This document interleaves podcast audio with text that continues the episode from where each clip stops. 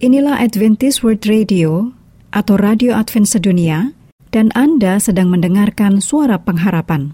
Untuk informasi lebih lanjut, silakan menulis email ke Bible at awr.org atau telepon ke WhatsApp di plus 1 224 222 0777.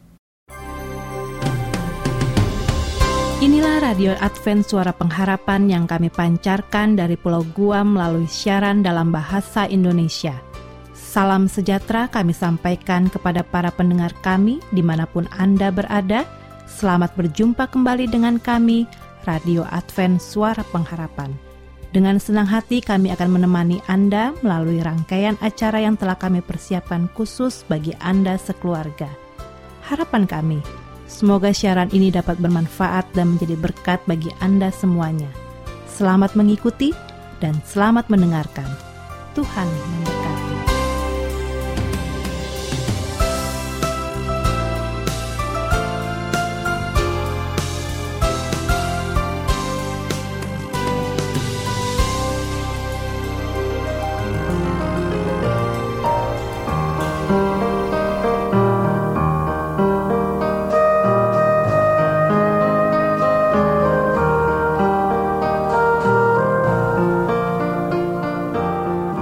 Pendengar yang kami kasihi, saat ini Anda akan mengikuti serial Inspirasi Wanita yang diangkat dari pena inspirasi dan berbagai sumber terbaik untuk memenuhi kebutuhan para wanita masa kini.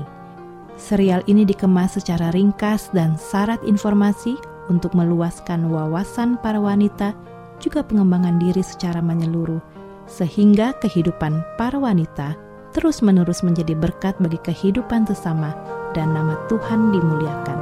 Selamat mengikuti.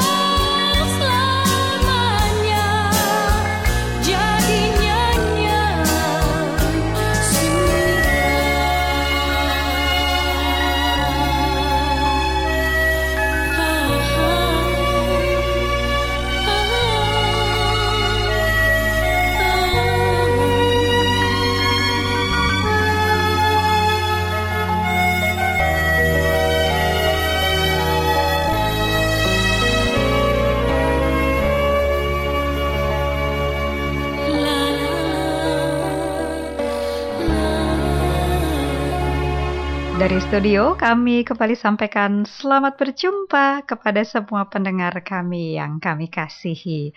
Secara khusus saat ini akan menyapa rekan-rekan wanita karena memang kita akan lanjutkan program serba-serbi wanita dalam beberapa saat ke depan ya. Dan rekan wanita, saya akan kembali mengajak Anda untuk melanjutkan informasi kita mengenai prekanker serviks ya.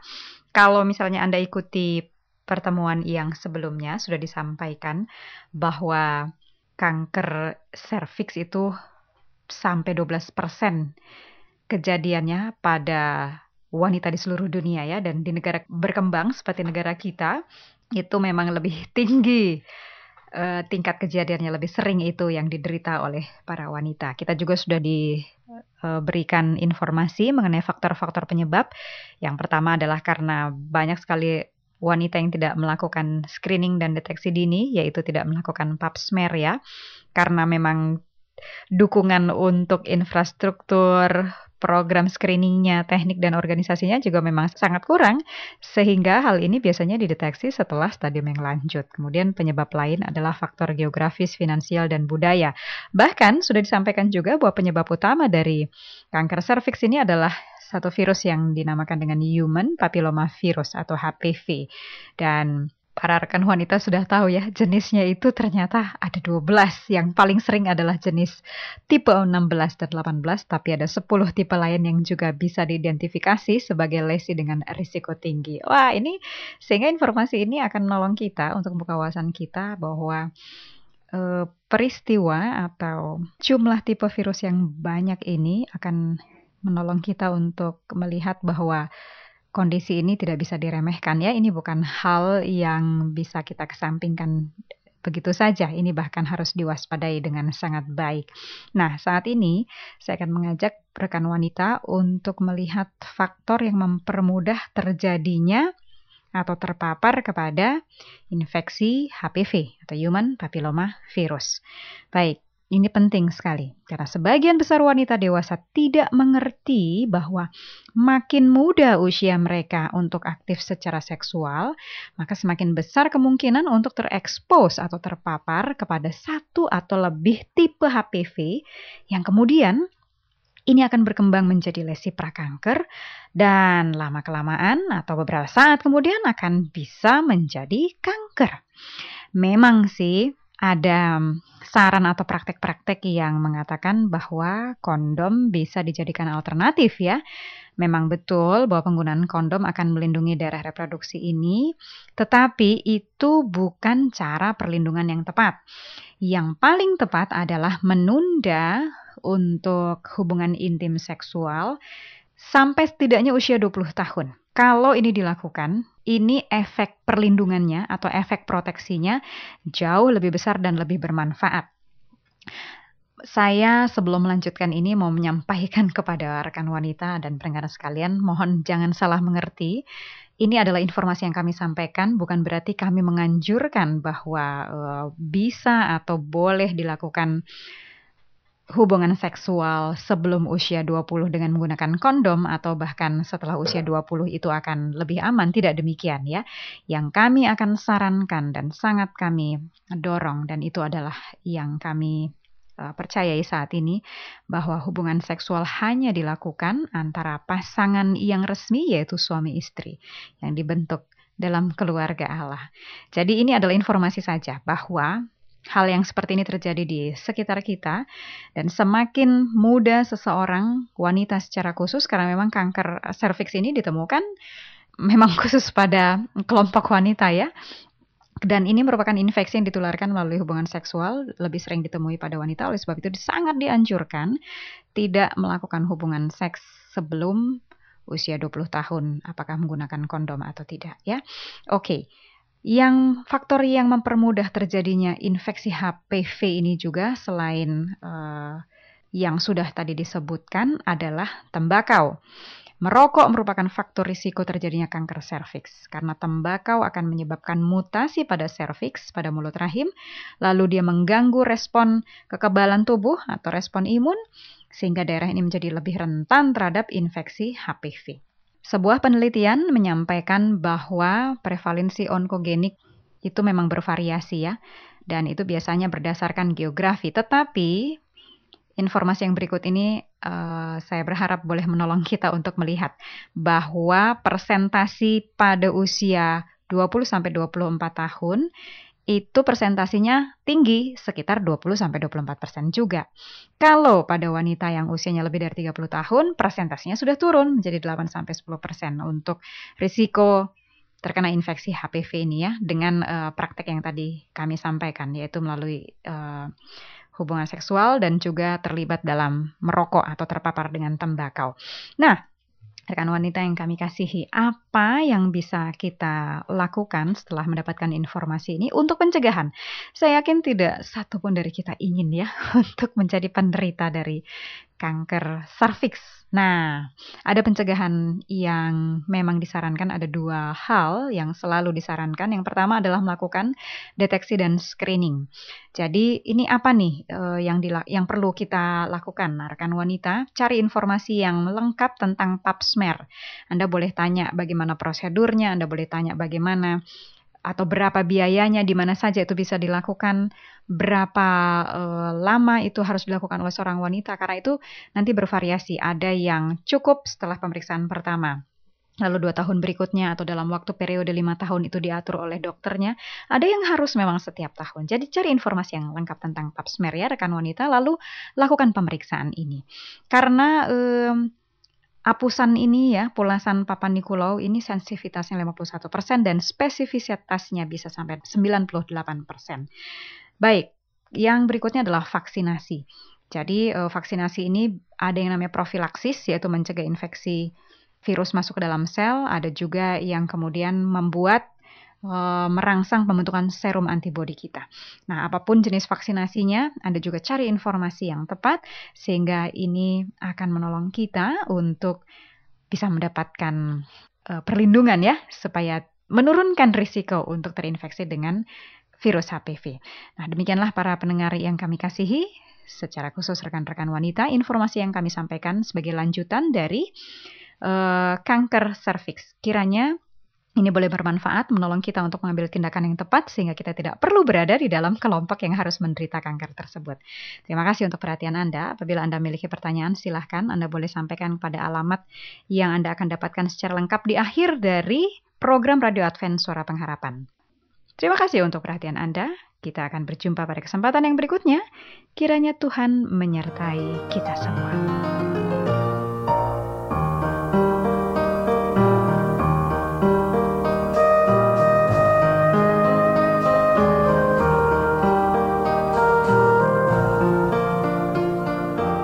Demikianlah saudara pendengar, khususnya kaum wanita yang sudah mendengarkan satu bahasan yang kita ikuti bersama yaitu Inspirasi Wanita. Kiranya yang baru saja Anda dengarkan dapat bermanfaat dan dapat dilakukan dalam kehidupan sehari-hari. Terima kasih atas perhatiannya dan pastikan Anda kaum wanita tetap bersama kami untuk mengikuti program Inspirasi Wanita selanjutnya.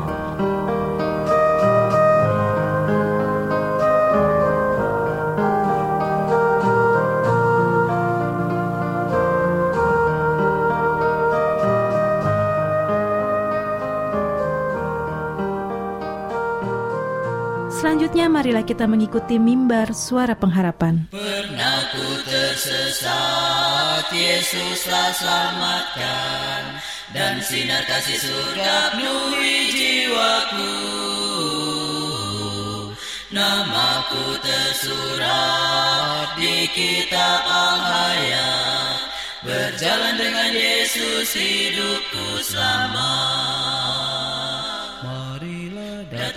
Tuhan Yesus dan menceritakan beban hidupmu.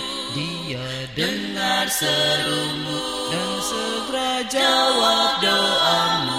Bila kau rasakan berkat doamu, lalu imanmu makin bertumbuh. Kini selamatlah hidupmu. Inilah mimbar suara pengharapan dengan topik pembahasan akibat dari konsep diri yang buruk. Selamat mendengarkan. Seringlah jalanku sukar dan berbatu dan awan kegelapan menutupinya.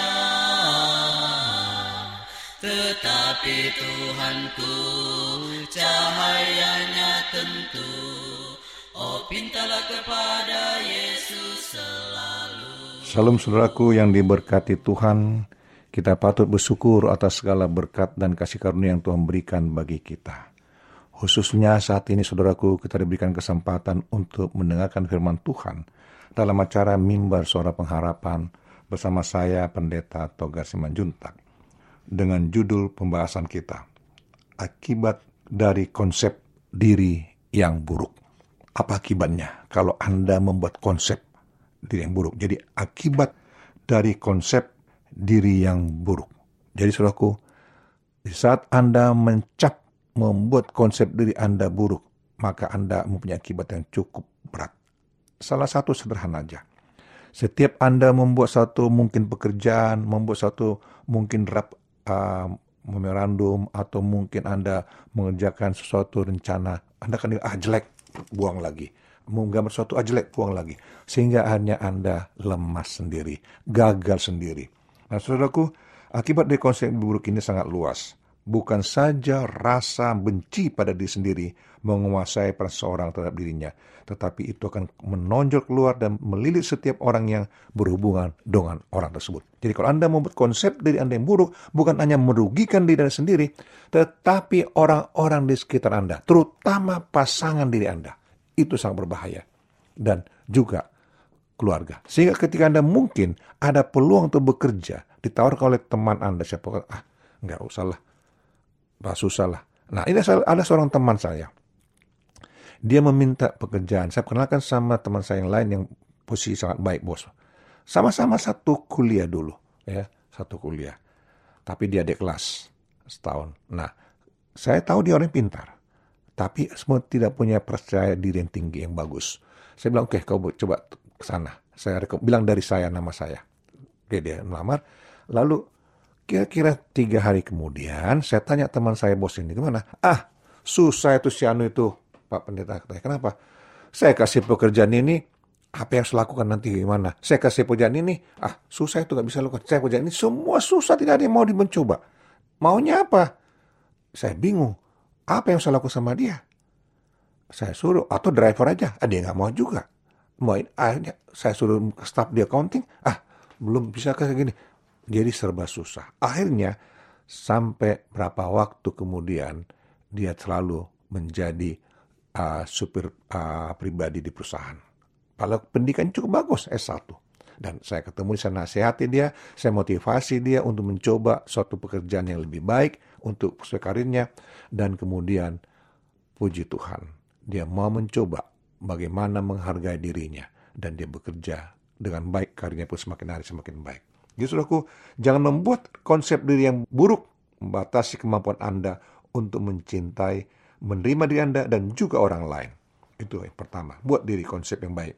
Psikologi modern telah menemukan bahwa manusia tidak dapat mencintai orang lain, mencintai dirinya, kecuali mereka memiliki rasa suka yang dalam, yang sehat terhadap diri mereka sendiri. Mencintai dengan tulus dan menerima cinta orang lain berbanding lurus dengan apa yang kita rasakan terhadap diri sendiri.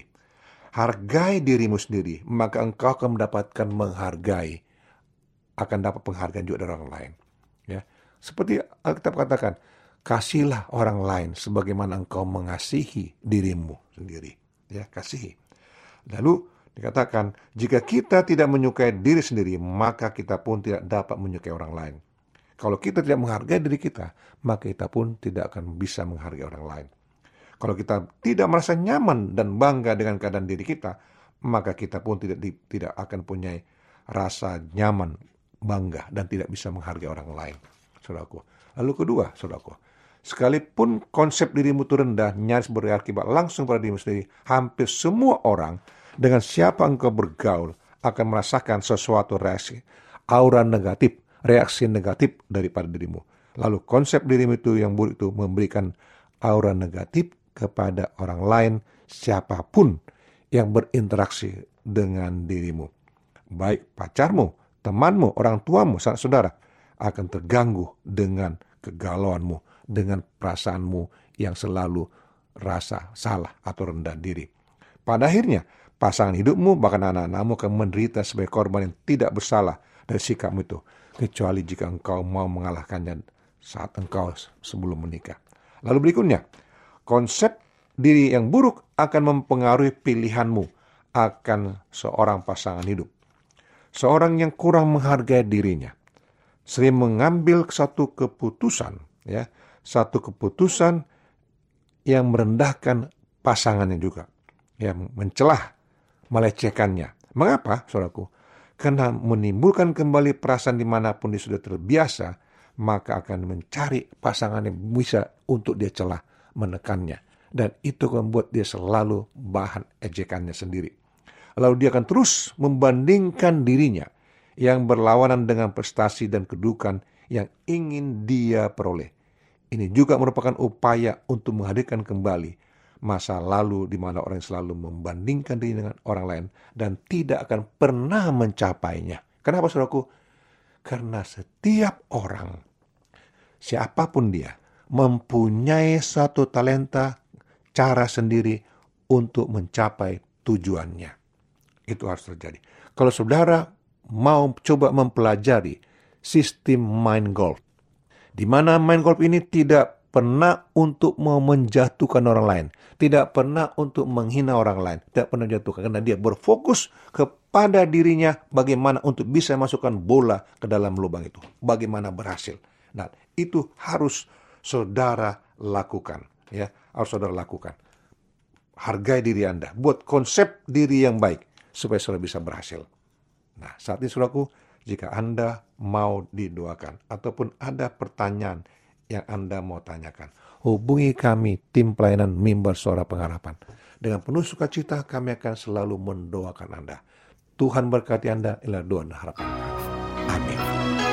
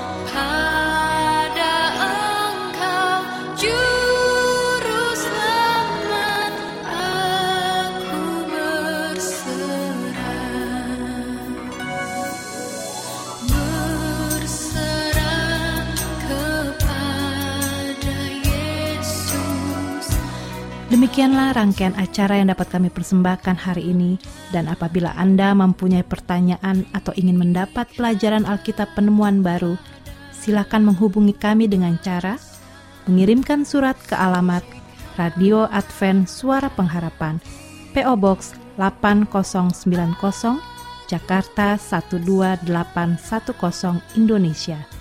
Telepon 0821 1061 1595. Alamat email awrindonesia@yahoo.co.id. Anda juga dapat bergabung di Facebook kami, pendengar Radio Advent Suara Pengharapan, juga Radio Advent Suara Pengharapan.